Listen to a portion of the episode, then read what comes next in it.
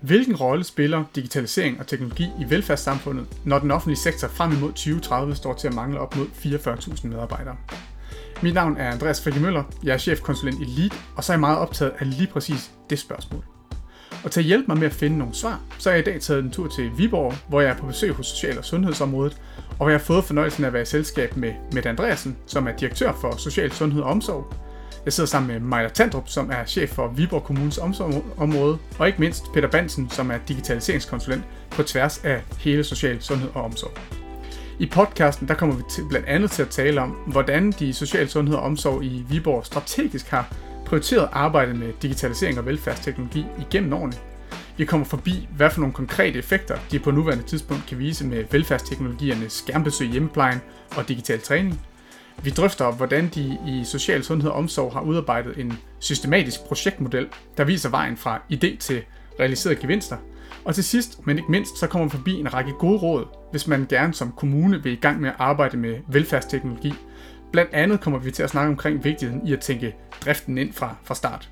Jeg håber, I vil lytte med hele vejen. God fornøjelse.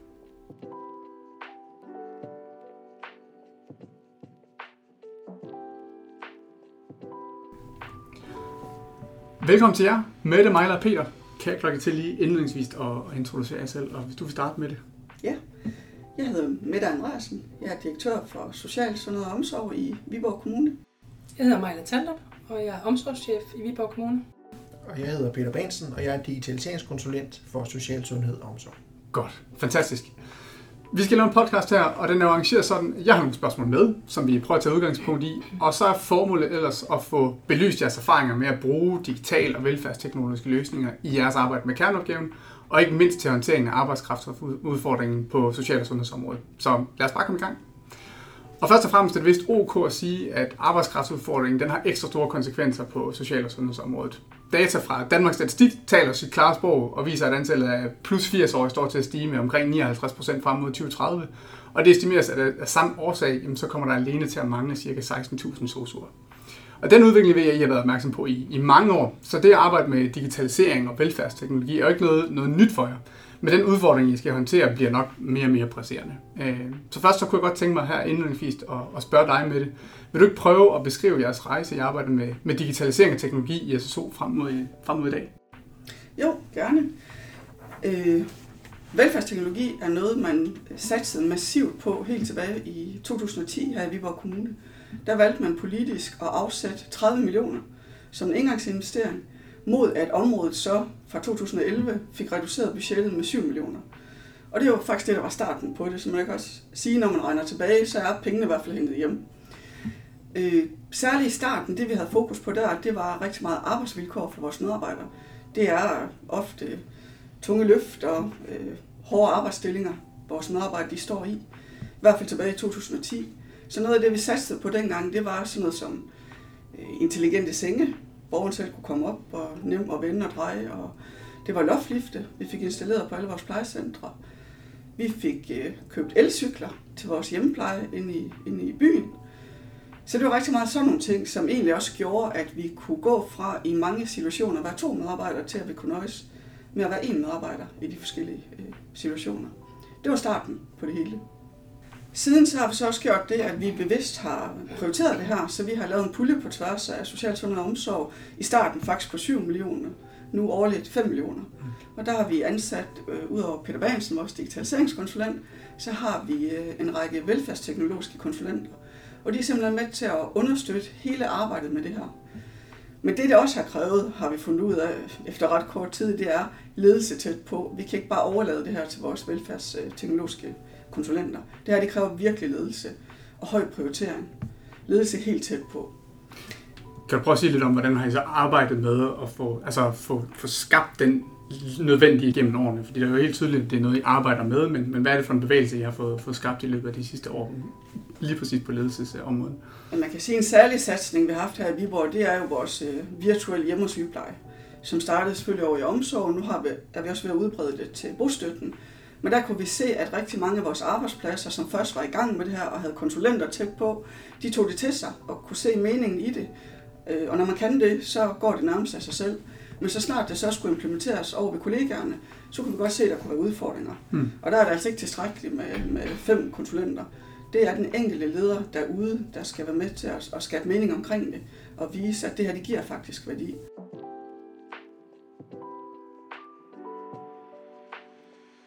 Hvis vi så kigger på, hvor I står i, i dag, øh, hvad, hvis du skulle prøve at, se, prøve at nævne et par ting, som I tænker, jamen det her det er vi blevet særlig gode til, når det handler om at, at få implementeret og høste gevinsterne her og arbejde med, med velfærdsteknologiske tiltag, men måske også der, hvor jeg ser, jamen det er her, vi fortsat har nogle barriere og udviklingspunkter. Hvis, kan vi prøve at snakke lidt om det?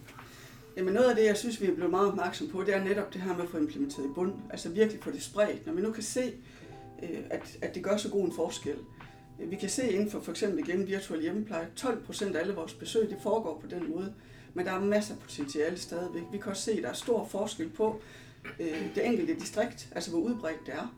Så det her, det kalder bare på vedvarende ledelse. At, og en insisteren på det her, det skal vi arbejde med. Og, og, hvis du prøver at sige, hvad er det så, der skal, der skal flytte sig for at få de, de tal for det 11 procent længere op? Øh, altså, jeg ved, I er god til at arbejde med blandt andet sådan noget som, som prøvehandling, og det lykkes rigtig godt, og så er der noget med, med skaleringen. Kan du prøve at sige lidt om, om, om det?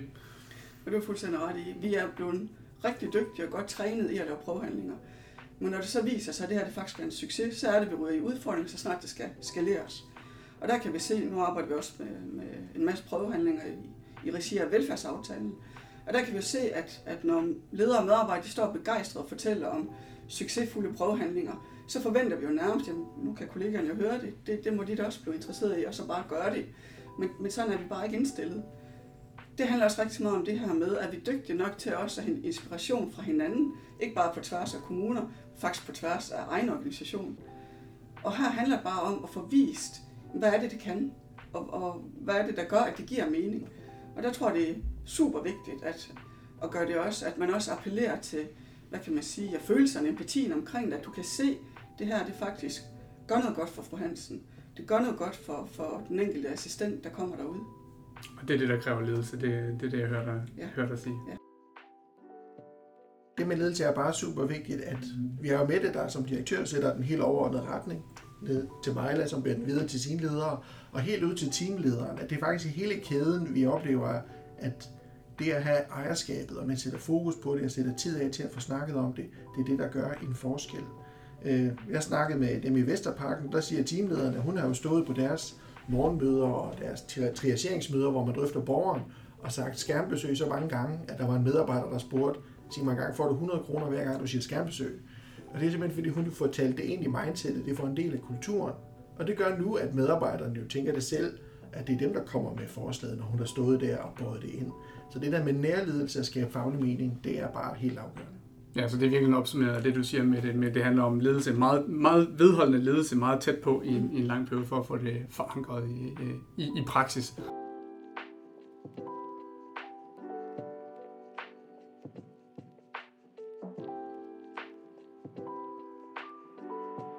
Godt, det var sådan lidt en, en nuancering omkring, hvordan er det egentlig, har arbejdet med digitaliseringen målrettet. Og der var som sagt både noget med konkret at sætte, sætte penge af, og have et vedvarende ledelsesfokus, som er meget tæt på over lang tid. der ligesom har sat jer i stand til i SSO og arbejde meget systematisk med, med velfærdsteknologi. Det synes jeg er nogle vildt gode pointer.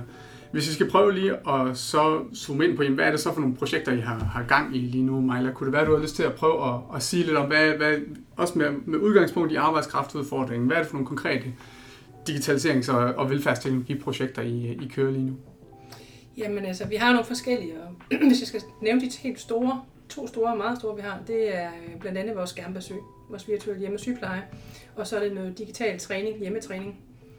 Øh, de to har vi arbejdet med mange år, øh, skærmene siden 2012, men det er først blevet omkring 16-17 stykker, at de er blevet afgørende i forhold til det, vi snakker omkring arbejdskraftudfordringen. Altså at de faktisk er en støtte ind i, i den øh, udfordring. Og det er de, fordi vi har omlagt en stor del af vores hjemmesygepleje til, øh, til skærmkald i dag. Altså 12 procent af alle vores besøg er øh, på skærmkald, øh, og vi er implementeret derude, men det der også sker lige nu, det er, at man får øje på flere nye muligheder. Øh, dels så er det jo sparring, vi har Danmarks anden største geografi, øh, og så det kan være sparring, specialistsparring, det kan være omkring hjælpemidler, at man lige kan ringe op, og så få noget rådgivning, man ikke skal vente på, at den anden person kører ud til, til borgeren og, og sådan ting. Så er det også hele vores øh, studerende, vores øh, sygeplejestuderende, vores elever, at vi kan være tæt på, samtidig med, at de også er ude og prøve noget selv. Øh, det kan vi også bruge skærmene til, og det gør vi. Og det giver også, at de er med til at understøtte, at de får et godt forløb, og der ikke bliver lige så meget frafald. Så lige i øjeblikket, så kigger vi rigtig meget på, hvordan øh, vækster vi på de her 12 procent på de traditionelle ydelser, som vi godt kan kalde det nu, når vi har arbejdet så mange år, øh, på, på borgerydelser med mange kronikere også. Øh, og så til, at hvordan kan vi bruge det endnu mere på tværs, øh, både af vores eget område, men også med andre fagområder, socialområder osv. Øh, og så har vi lige prøvet noget nyt. Øh, det er sådan, at når vi har brugt skærm, så har vi synes vi skulle møde borgeren øh, måske 4, 5, 6 gange, før vi kunne tillade os at tage en skærm under armen. Og lige nu, der arbejder vi med, om vi kan tage en skærm med første gang, og hvordan reagerer borgere og pårørende på det? Hvordan reagerer vi selv som medarbejdere? Og der har vi prøvet af med 26 borgere nu her, og det er faktisk kun en enkelt, der sådan har reageret på, det var tidligt. De andre har faktisk haft nogle gode bud på, hvordan kunne vi øh, faktisk øh, bruge skærmene mere. Og det vi også har gjort, det er, at vi kan koble pårørende på, så de også kan bruge skærmen sammen med, med borgerne. Så der er simpelthen så store perspektiver, så vi kan næsten ikke vente med at se, hvor står vi om, om to år i forhold til det her. Det er fantastisk, at jeg lige må prøve at gribe den, fordi jeg ved, at der er rigtig mange af de altså andre kommuner, som også er nysgerrige på, hvordan er det, vi får skubbet det her procenttal op, så vi får flere og flere på. Øh, og der var et konkret tiltag i forhold til, der er både noget med ledelse, så er der også noget med, hvor tidligt er det, vi tilbyder det at, at, at give virtuel, ja, virtuel hjemmepleje og give muligheden for det. Det ved, der er mange kommuner, der, stil, der synes, der er svært, det er at få snakket med med medarbejdere omkring det her med faglighed ind i at skulle begynde at levere en ydelse virtuelt osv. Og det virker jo til, at I har nogle gode, et godt greb om det, altså, når jeres procentsats er så højt, og I er så gode til at få det omsat i, altså så relativt hurtigt. Kan I lige prøve at zoome lidt ind på, hvordan har I talesat det der med, med faglighed gennem mm. det virtuelle? Hvordan har I arbejdet med det? nok også tilbage til det, du sagde med det med kultur og mindset, men, men Majla, måske et, et par ekstra ord på lige, lige det punkt. Jamen det, det har været fuldstændig afgørende at tale om det. I starten der var der jo mål, fokus på kvantitative mål, og på procenterne, og på antallet af skærme. I, I dag er der fokus på, og det har der også været de seneste år, på hvor er det, det giver mening, øh, både for, for borgerne og for medarbejderne. Og der har vi rigtig mange kronikere. Vi har rigtig mange med diabetes, vi har rigtig mange, som har tryghedskald øh, øh, af forskellige art. Og der er det bare rigtig godt at kunne se en anden på skærm. Øh, og der er også rigtig mange, som jo vi kører hjem til otte gange på en dag. Og det kan de måske synes er vel mange besøg. Øh, og måske kan de godt udføre øh, en handling selv, som vi så tjekker af øh, via skærmen. Så det er også et supplement, og, øh, så det er en aflastning for vores borgere, det giver glæde, og vores medarbejdere, jamen, øh, de mærker også, at det giver mening i forhold til nogle af de her øh, besøg, som vi får rigtig mange af i løbet af en dag. Men det, der er vigtigst, det er, at de selv er med til at pege på det. De er selv med til at finde det, øh, og det giver en helt anden øh, indgang til, at så skal du faktisk ikke implementere, så, så laver du direkte implementeringer, med sådan at sige. Mm. Og så ved jeg godt, at en gang imellem, så er der nogen, hvor de er bedre til at få øje på det. Så er det altid end andre. Og der er det jo det med at fortælle de gode historier øh, og, og få det formidlet, og det er både en ledelsesopgave, men det er faktisk også noget, der foregår på tværs af arbejdspladser. Øh, så, så, og så er der en anden ting, man også får øje på, at det er faktisk også rigtig rart at kunne få en alsidighed ind. Ikke altid skulle sidde i bilen, eller altid skulle være inde fysisk. Så det der med også at få en arbejdsopgave, hvor man kan lave virtuelle besøg, enten inden for indmødestedet, eller øh, fra bilen, og lige sidde og få gjort det og finde ro i det, det giver en alsidighed, som måske også er med til at forebygge nedslidning på arbejdspladsen, og måske også gør det lidt mere spændende faktisk at arbejde hos os. Så der er så mange perspektiver, der bærer det frem. Så når man i virkeligheden har fået, vil man sige, fået, fået hul på det, så bliver det sådan en selvforstærkende effekt, hvor man når man har fortalt de gode historier, så bliver det faktisk nemmere at få flere på, fordi ja. at man får de der gode historier både en alsidig arbejdsplads, men der er også nogle borgere, der oprigtigt synes, det er godt, og det nedbryder måske den her barriere, der hedder, hvad er, virtuel, øh, hvad er min faglighed, når den skal leveres virtuelt, fordi man har de gode historier at, at stå på. Ja, og lad medarbejderne sæt, øh, være med til at sætte målene. Det har også været virksomt. Altså det her med, at i starten der kom vi og sagde, at vi skal have 8%, og så skal vi nå 10% mm. på det tidspunkt. Lad arbejdspladserne selv gå ind og byde med, hvad, hvad tror vi, vi kan nå, øh, og lad dem glædes ved, når de når det, eller når mere, og de får mod på endnu mere bagefter. Mm. Altså det her med at gå ud og lave tvang, og sige, at det skal være sådan her, det har ikke virket for os øh, i ret mange sammenhænge. Øh, vi blomstrer på de her skærmbesøg, og vi blomstrer også på vores sygeplejeklinikker, og det er lidt det samme. Det har ikke været tvang, men det har vokset øh, fra medarbejdere fra borgere, og så lige pludselig så bare ikke var vokset, så blomstrer det over det hele.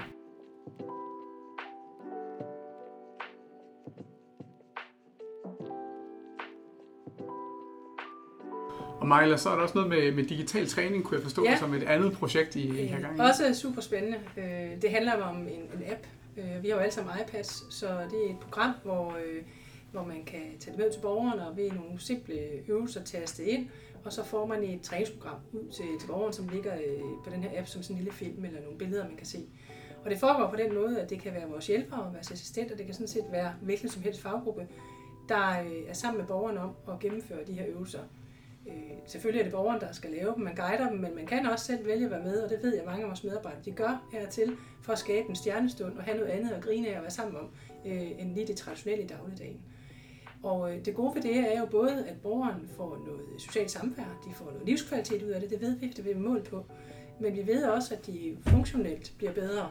Øh, og de øh, sætter jo nogle mål for, hvad de gerne vil. Om det er at gå ud til fugleburet øh, udenfor, eller selv gå hen vand om natten, eller om det er en længere tur ned til købmanden. Det er sådan set lige meget.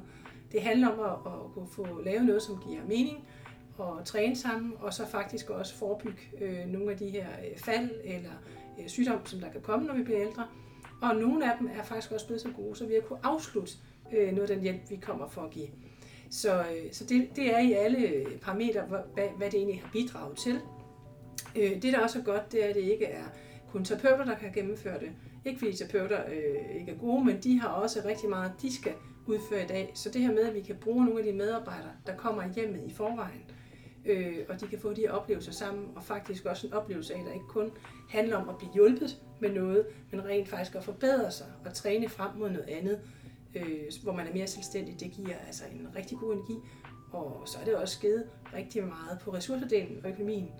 Øh, jeg vil sige omkring mellem 8 til 12 års værk, vil jeg tro, vi har hentet sammenlagt, hvis man skulle regne sådan på det, øh, på de år, vi har arbejdet med det siden 2016. Så det betyder noget på arbejdskraftudfordringen, men det betyder også noget for arbejdsglæden øh, og livsglæden hos vores øh, borgere.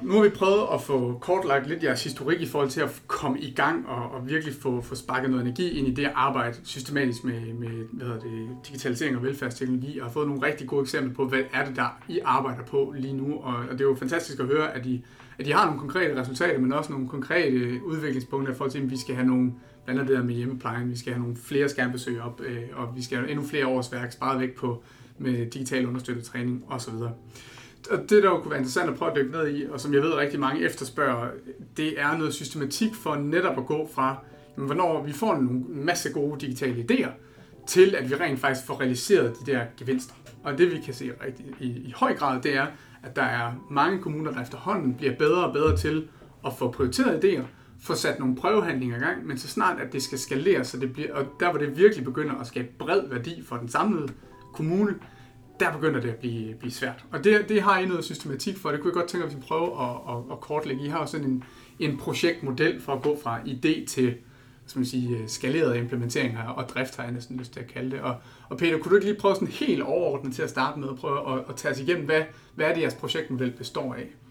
Jamen helt grundlæggende, så er det en øh, stage gate model, og det betyder, at den er sådan opdelt i nogle faser, og så er der nogle gates, hvor vi lige øh, stopper op og siger, okay, skal vi nu gå videre? Og det starter med, at der kommer idéer mange forskellige steder fra. Det kan vi komme ind på. Øh, så går vi i gang med en idéfase, hvor vi meget kort beskriver, hvad det, det handler om. Og så ender vi den ved den første gate, hvor vi så sender den til en øh, chef eller chefgruppen, lidt afhængig af omfanget, og siger, giver det mening i forhold til den strategi, I har nu? Er det noget, vi skal arbejde videre med? Vil I se noget mere materiale? Hvis de siger ja, så går vi i gang med, med undersøgelsesfasen, hvor vi går mere dybt. Øh, at der allerede her begynder vi at overveje drift, øh, hvad koster det, er der opmærksomhedspunkter osv., og alt det ender så i en projektbeskrivelse, som så igen ryger ind til den næste gate, hvor man, vi går til vores chef og siger, hvad nu, nu ved vi mere, skal vi fortsætte, skal vi afprøve det her, skal vi bruge penge på det, og hvis de så siger, ja, det giver stadigvæk mening, øh, så laver vi simpelthen en afprøvning, og det er ikke nødvendigvis en stor en, men en lille afprøvning, hvor vi ligesom finder ud af, okay, det vi havde forestillet os, det vi havde forventet, svarer det, lever det op til det. Det bliver så øh, samlet op i en evaluering, og så ender vi igen ved en gate, hvor vi så øh, følger op på alt det, vi har lært, og siger, okay, har vi brug for mere viden, eller er det noget, vi så skal sætte i drift? Så det er sådan helt øh, overordnet, de her stops, vi har. Og det kan godt lyde lidt byråkratisk, hvorfor skal man have sådan en model? Men det, det handler om, det er jo at sætte det rigtige i gang, og prioritere mellem de ting, vi har, og også sikre, at vi kommer alle de her ting igennem, fordi Siden jeg startede øh, for øh, knap 10 år siden, der er det bare blevet et meget mere komplekst miljø, alting fungerer i, og det vil vi jo gerne fange så tidligt som muligt. Så det, det er nogle af de grunde til, at vi har sådan en model. Og kan du prøve, inden vi dykker ned i den også, at, at sige en lille smule om, hvorfor har den virket så godt for jer? Fordi der er rigtig mange kommuner, der, der siger, jamen selvfølgelig, når vi skal sætte noget i gang, så får vi en idé, prioriterer den, laver en prøvehandling, og så må vi se, om den skal skaleres efterfølgende. Men det der med at have sat noget systematik bag det, og som jeg også hører jer hører dig sige, at der, at der er en, en god grad af ledelsesfokus involveret i at få et, et projekt øh, kørt fra, fra idé til, til at få den skaleret og sat i drift. Kan I ikke prøve at sige lidt om, hvad er det, der gør, at den her model den fungerer så godt for jer? Jamen, jeg tror, det, er, det var nøgleordet, du har fat i det her. Det er nemlig ledelsesfokus. Fordi man kan måske nemt blive sådan inspireret af en eller anden fancy teknologi, der kommer ind og tænker, den skal vi bare sætte i gang. Men det, at vi har den der systematik, og vi lige stopper op, og vi, har en, øh, vi, vi netop har en drøftelse med vores organisation, med vores chef og med vores ledelse om, jamen, giver det rent faktisk mening det her? Så er det jo også, øh, hvis man så siger ja, så, er der, så har vi også sagt, at det er noget, vi vil. Så er det prioriteret, så er det noget, vi gør. Og det gør jo så også, at vi får lagt mere fokus på de prøvehandlinger, vi kører, og at vi så også senere hen kan få lagt fokus på og få lagt energi og kræfter i at få tingene implementeret ordentligt. Så, så det der med, at man lige har gjort det systematisk, gør, at vi har et bedre overblik, både som konsulenter, men også når vi er i dialog med vores ledelse om det. Netop at have det her overblik, hvad har vi egentlig i gang? Er det det rigtige, vi har i gang? Hvordan går det med det, vi har i gang? Er der måske noget, der skal stoppes? Er der noget, vi skal have løftet?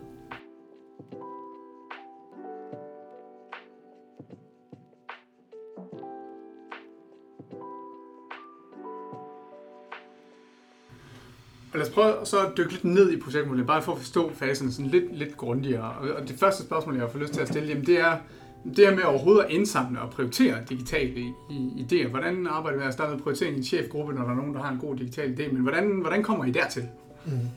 Altså nu har vi været i gang en del over. Det gør faktisk, at vores organisation derude, de får jo nogle idéer, både medarbejdere og ledere. Så helt naturligt, der kommer der nogle henvendelser, enten fordi de kan se, at der er et eller andet, de godt kunne tænke sig smartere, eller fordi de har set noget. Øhm, men for at understøtte det, der har vi, øh, vi har kørt sådan et øh, kompetenceforløb, der hedder ledelse af digitalisering og teknologi. Og i det, der har vi øh, en, en sådan en mini-workshop, som ledere kan gøre brug af, for at få afdækket, er der et eller andet bøvl, er der noget, vi lige skal sætte fokus på, er der noget, vi har, har hjælp til at gøre bedre. Og det er et værktøj, vi sådan er i gang med at implementere nu. En anden metode, vi bruger, det er en, vi kalder Digitech 360. Og det handler om, at man sender nogle konsulenter ud, selvfølgelig har en forventningsafstemning med nogle ledere først, men sætter nogle konsulenter ud i praktik og observation og dialog sammen med medarbejderen, og så går de sådan set bare rundt og sådan kigger og ser, og så tænker de måske, ah, er der måske noget, der kunne gøres smartere her, eller det er da lidt mærkeligt, at vi gør sådan og sådan. Og nogle ting, de kan så ikke gøres anderledes. Men, men andre gange er der noget, man så kan tage fat i. Og det er jo fordi, når man sådan ligesom går i sin egen hverdag, så gør man tingene, som man plejer. Så det der med lige at få nogen udefra, det kan faktisk gøre en forskel og så kan vi tage fat i noget af det, de måske ikke selv har set. Så det er en metode, vi gør en del ud af. Det tager også noget tid, men det gør også, at vi faktisk finder nogle øh, rigtig gode potentialer. Så får vi, det er jo sådan meget øh, indefra ud, men vi får jo også udefra ind, kan vi sige, hvor virksomheder de henvender sig til os øh, på alle mulige måder og siger, ej, vi har et eller andet fantastisk produkt, kunne I ikke tænke jer at arbejde med det? Og så nogle af dem går vi videre med, andre siger, ej, det er måske ikke lige nu. Der har vi også et øh, samarbejde med øh, Test- og Udviklingscenter for Velfærdsteknologi, øh, TUCV, som ligesom har særlig fokus på den her virksomhedsdel, og måske også produkter, der ikke er helt færdige endnu til at kunne, kunne bruges, så kan de ligesom hjælpe dem lidt på vej. Og der får vi også nogle gange nogle idéer ind til noget, hvor vi kan arbejde med, hvad de har set. Der er faktisk noget, der kunne matche der. Og der sker det så også, at vi kan lave samarbejder med hospitalet, som er en del af det her samarbejde med TUCV. Derudover så er vi også med i Kæmpe Nordic, øh, 2, som er sådan et stort nordisk projekt, hvor vi skal samarbejde både med, med danske regioner og kommuner, men også nogle svenske, øh, hvor vi også kan blive inspireret med, er der nogen, der har gjort et eller andet mega smart, jamen det kan vi da også gøre i, i Viborg. Så vi får jo rigtig mange idéer og behov og projekter ind fra alle mulige øh, steder. Så til dem har vi rigtig mange af. Vi har faktisk en backlog lige nu, altså sådan en, en idébank, på jeg tror cirka 30 projekter, så vi kommer ikke til at kede os der er nok at gå i gang med, fordi der, der er rigtig mange ting. Og dem, dem vil vi så gerne øh, have, have prioriteret. Og den måde, vi gør det på, øh, hvis jeg skal sige lidt om det, så har vi jo meget fokus på øh, gevinster. I, og det er jo det helt store, det er arbejdskraftsudfordring. Det kan der slet ikke blive tvivl om. Det er det, der er det vigtige. Men vi beskriver alle vores projekter ud fra øh, tech-trekanten, altså trivsel for medarbejdere, effektivitet og kvalitet for borgeren. Og vi vil jo gerne have, at der er gevinster i alle tre, øh, men nogle gange er det måske mere på nogen og mindre på andre. Og det forsøger vi allerede tidligt, når der kommer en idé ind, og det gør det at vi ikke kender produktet så godt endnu, eller helt hvordan det kommer til at fungere, men gør os nogle forestillinger om, hvad kunne vi egentlig få ud af det her? Og det, øh, det beskriver vi så, og øh, det er så det, vores, øh, vores ledelse får, vores chefer får, forholder sig til at sige, okay, der er faktisk nogle gode forventede gevinster i det her. Skal vi undersøge det, det nærmere. Så vi forholder os rigtig meget til de gevinster, ikke i projektet, men det er også en del af det, men når det engang går i drift, hvad vil vi så kunne få ud af det? Godt. Altså der er både noget med at få inspiration, altså give nogle metoder til faktisk at få inspiration ned fra organisationen, noget med at have øh, konsulenter med et digitalt mindset ude i organisationen, nogle samarbejder ud mod både erhverv og mod regioner til at indhente øh, inspiration. Jeg ved, der er rigtig mange kommuner, der virkelig får mange gode idéer. Så, så jeg bliver lige sådan et opfølgende spørgsmål til det med prioritering. Fordi der også er noget med at få sat, altså hvor mange ting bliver der, bliver der sat i gang. Kan, kan I prøve at sige lidt omkring, altså det, det der med faktisk at få prioriteret at sat de rigtige ting i gang, det er nemmere sagt end gjort, i hvert fald sådan erfaringen efterhånden, og også udlægning fra rigtig mange kommuner. Kan I ikke prøve at sige lidt om, hvad er det for nogle, jeg ved, det, det er jo noget af det, der så foregår i den chefgruppe, de chefgruppe men kan I ikke prøve at snakke lidt smule om, hvordan laver I det sorteringsarbejde? For der kan være mange gode projekter, der viser mange gode gevinster. Men hvordan får man prioriteret de rigtige? Øh, Mette, det har du nogle perspektiver på? Jamen altså, jeg tænker, at vi vil til hver en tid kigge på, hvad skaber størst værdi? Altså, hvor, hvor er gevinstpotentialet størst? Så man kan sige, nu nævner Peter den her tech-trekant med trivsel, effektivitet og kvalitet. Der skal som minimum være noget på effektivitet. For ellers så skal vi ikke bruge tid og ressourcer og investeringer ind i det her.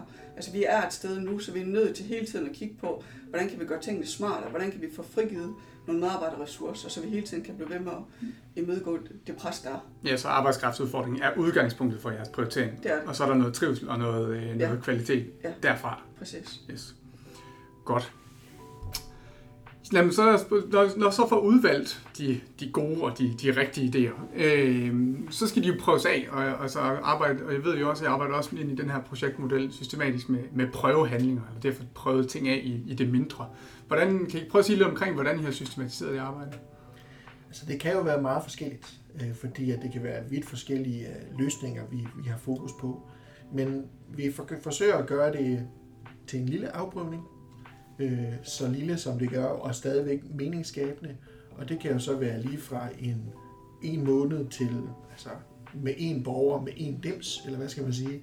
Fordi det er lige det, vi har brug for, lige at få en hurtig indikator af, giver det her mening, til lidt flere måneder, 20 borgere og noget andet. Så det, det kommer meget an på, hvad det er.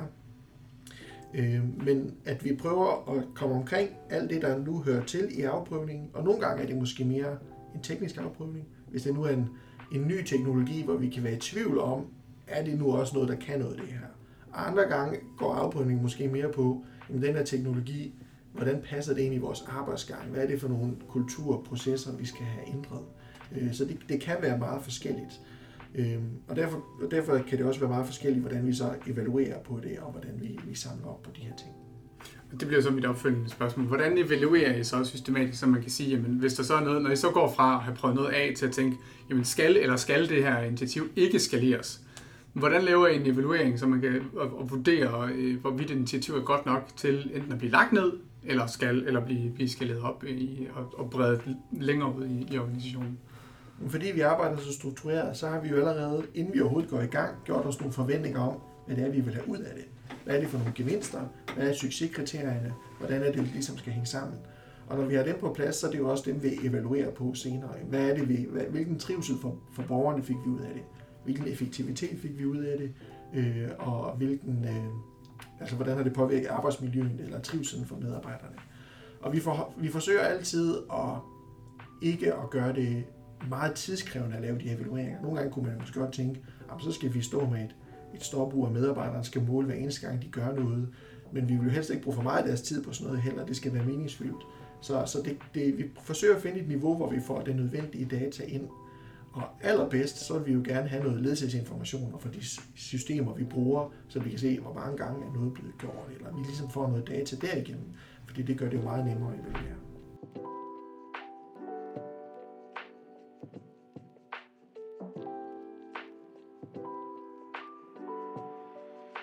Det, det sidste spørgsmål, som jeg vil stille i forhold til jeres projektmodel, er jo netop så, jamen, når, når I, netop når det viser sig, at jeres prøvehandlinger de lykkes, og, og I får evalueret det, og de har levet op til de succeskriterier, så jeg tænker godt, nu skal vi til at have det, have det skaleret ud. Men hvis ikke prøve at sige en lille smule om, jamen altså, øh, hvordan skalerer I øh, succesfulde prøvehandlinger i, i praksis, og måske også et par perspektiver på, hvad er det også, der er svært ved at, at skalere, når først man har den, den succesfulde prøvehandlinger til? Inden vi overhovedet sætter afprøvningen i gang, har forholdt os til, hvis nu det her bliver mega godt, hvordan kommer vi så videre? Det hjælper os, fordi så er der også nogle ting i afprøvningen, vi måske kan, kan samle erfaring op på, så vi har noget at bygge en øh, skalering op på.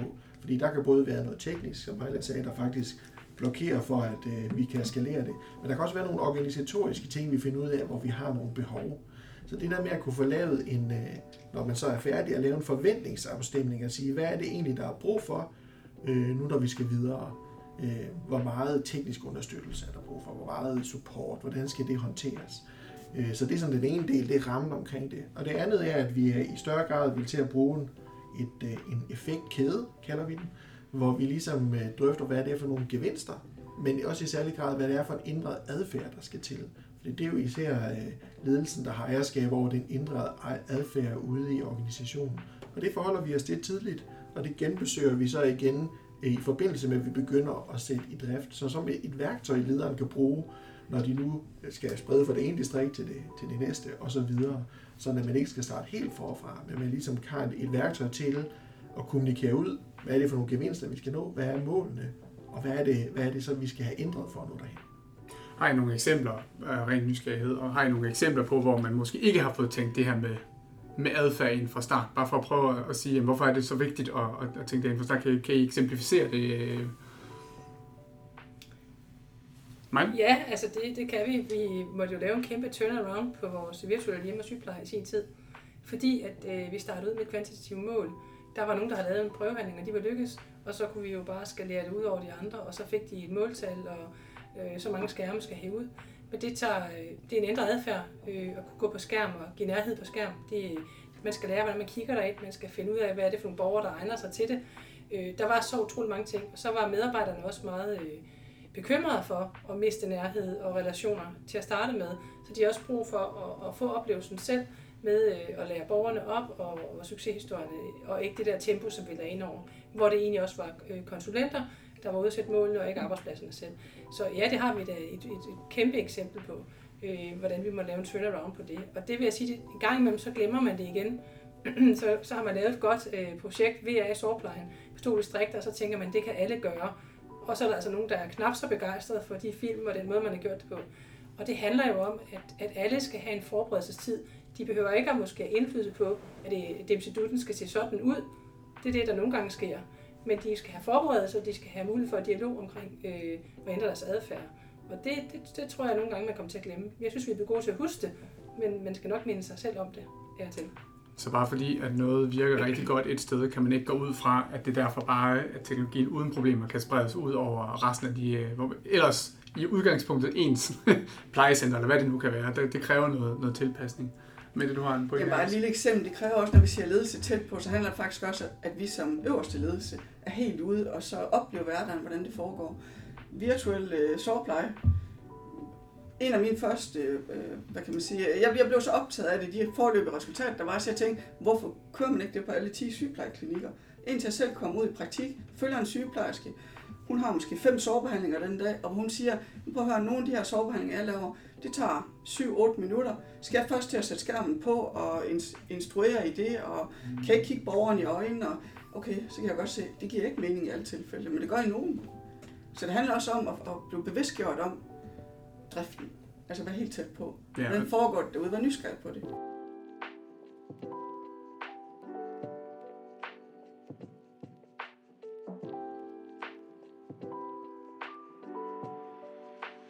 Godt. Hvis vi skulle prøve sådan lige øh, afslutningsvis i forhold til, til projektmodellen og den måde at tænke systematisk, øh, altså det systematiske arbejde fra idé til at have realiseret nogle, nogle konkrete gevinster med velfærdsteknologi eller digitale tiltag.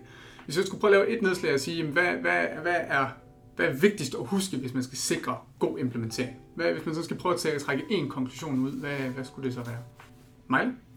Jamen, øh, det er, at dem, som det handler om, altså medarbejderne og borgerne, de er en del af det her, og ledelsen selvfølgelig på den lokale arbejdsplads. At øh, hvis ikke de er en del af det, så kan vi komme med nok så mange ting, men øh, så bliver det en hård implementering.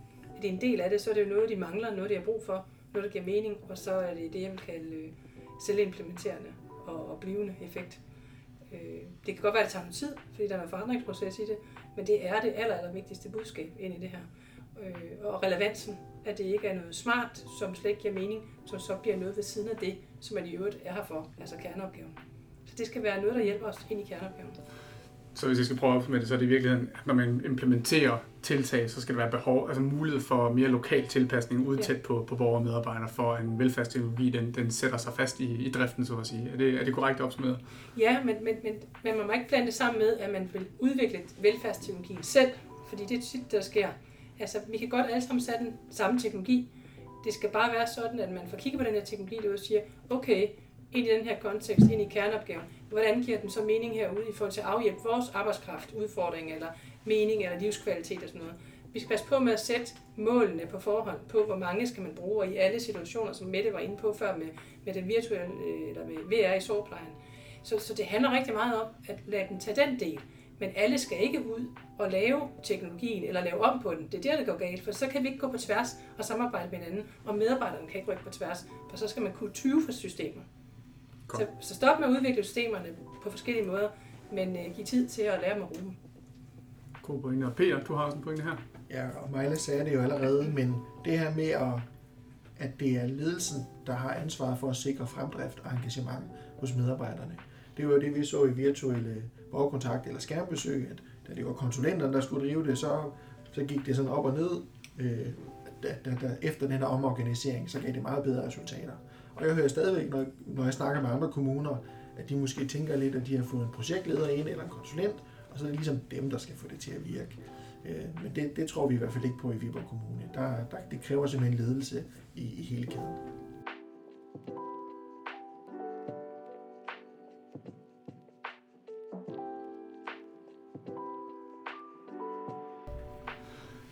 Godt. Og det er jo en super god gennemgang af, af jeres projektmodeller. Det lyder virkelig også til, at I lykkes med, med meget i forhold til faktisk at have sat arbejdet med at gå fra, fra idé til at realisere nogle gevinster med velfærdsteknologier og op mod arbejdskraftsudfordringer. Der har I nogle rigtig gode systematikker.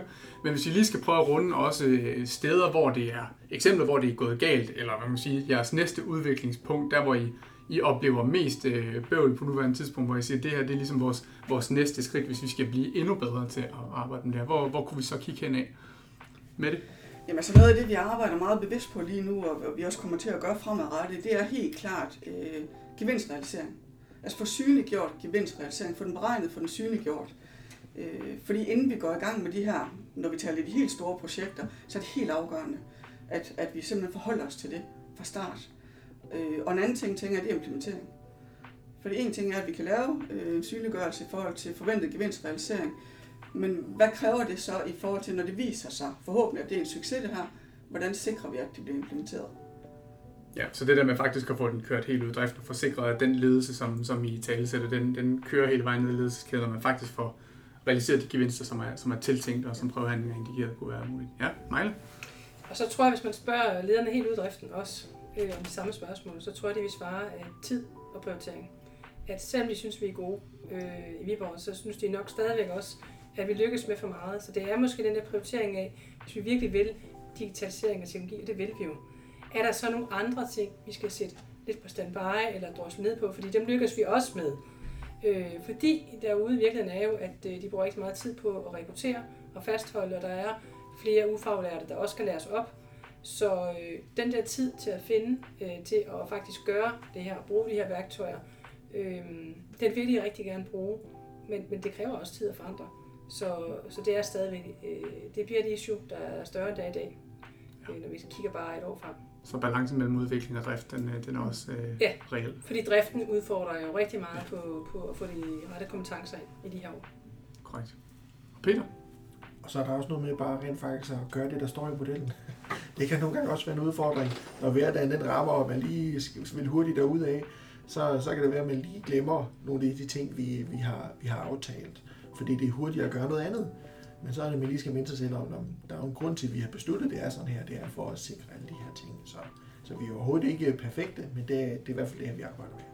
Yes, så det har skabt en god systematik hos jer, men, men selvfølgelig er der stadig også en, en, en drift, der presser, og der er, der er rigtig mange projekter, der kommer ud fra det ene sted og det andet, så det er med at prioritere tid til os og, og arbejde systematisk med det og få, få gevinst realiseret i, i bund, som, som man siger.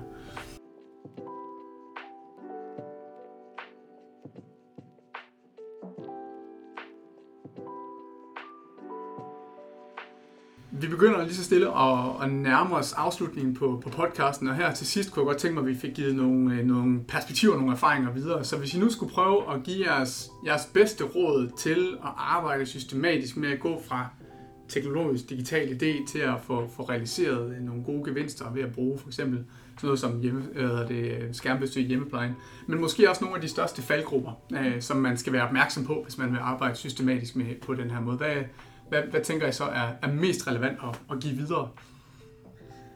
Men... Jamen først og fremmest, så tænker jeg, så, så er man nødt til i hvert fald at lave en prioritering. Nødt til at sige, at det her, det vil vi. Vi vil arbejde med det her. Og så lave en organisering omkring det, altså om det skal være den måde, vi er organiseret på, det, det, det ved jeg ikke, om det skal være, men det er i hvert fald med til at understøtte. Fordi du har hele tiden nogen, du kan samarbejde med og give sparring, og som virkelig får en helt særlig viden omkring det her. Og som også udvikler noget systematik omkring det. Det har i hvert fald været en erfaring, vi har gjort os. Fordi gå i gang med de her 10 forskellige projekter på én gang, og folk bliver snot forvirret, og vi når ikke engang kigge til højre og venstre, er der andre, der arbejder med det her allerede? Det kan det her i hvert fald være med til. Mm-hmm. Det tænker jeg, det, det er helt afgørende. Ledelse, det har vi været inde på. Det her, det, det kalder jeg i den grad på ledelse, og det er hele vejen i ledelseskæden. Majla? Og så helt kort, altså forberedelse. Og der tænker jeg, at vi ikke på de her store business case, som vi havde engang, som øh, gjorde, at vi aldrig kom i gang. Men forberedelse i forhold til at lige få tjekket nogle, nogle rigtig vigtige ting. Altså er det her noget, der er godkendt? Eller, eller tager det fem år, før det bliver godkendt? Er det noget, som øh, står i forhold til de mål, vi har? Øh, sådan at vi ikke kommer til at bruge medarbejdernes tid og organisationens tid og fokus penge på noget, som vi faktisk ikke kan realisere øh, måske de næste 3-4 år. Øh, så taber det energi og motivation. Så, så, så det, det har virkelig lært os, det her forberedelse. Fordi bruge få timer ind i det, det skaber meget, meget stor værdi. Jeg tror, det er øh, Ben Flyvbjerg, han har lige i sin nye, bog, i sin nye bog omkring store projekter sagt, at man skal tænke langsomt, og så skal man efterfølgende handle hurtigt. Og det er måske virkelig meget godt, det, det siger lige tænke sig om, inden man sætter til bare begynder at sætte ting i gang. Med det. Altså jeg tænker, noget, der har været helt centralt hos os, det er netop det her med at arbejde med prøvehandlinger. Start altid med en prøvehandling. Den kan næsten ikke blive for lille. Altså gå i gang, gå i gang med noget så stort som øh, virtuel hjemmepleje. Det, det, det kan man ikke ved at sige, nu skal alle distrikter starte med det. Start med en prøvehandling. Og det vil også tilbage til at skabe de der små lokale succeshistorier, som man kan bygge ovenpå i forhold til blandt andet at talesæt, hvad er virtuel faglighed og, og så videre, de problematikker, der, der opstår, og så få sporet sig ind på dem tidligt, så man kan håndtere dem, inden man laver en, en bred skalering. Er det ikke rigtigt forstået? Jeg synes, at det Mette og Mejla har sagt er rigtig godt. Øh, men det her med drift, drift, drift, det er nok bare det, jeg vil sige. Altså, få det tænkt ind i forberedelsen. For hvis det ikke kan køre i drift, så er det begrænset med de der.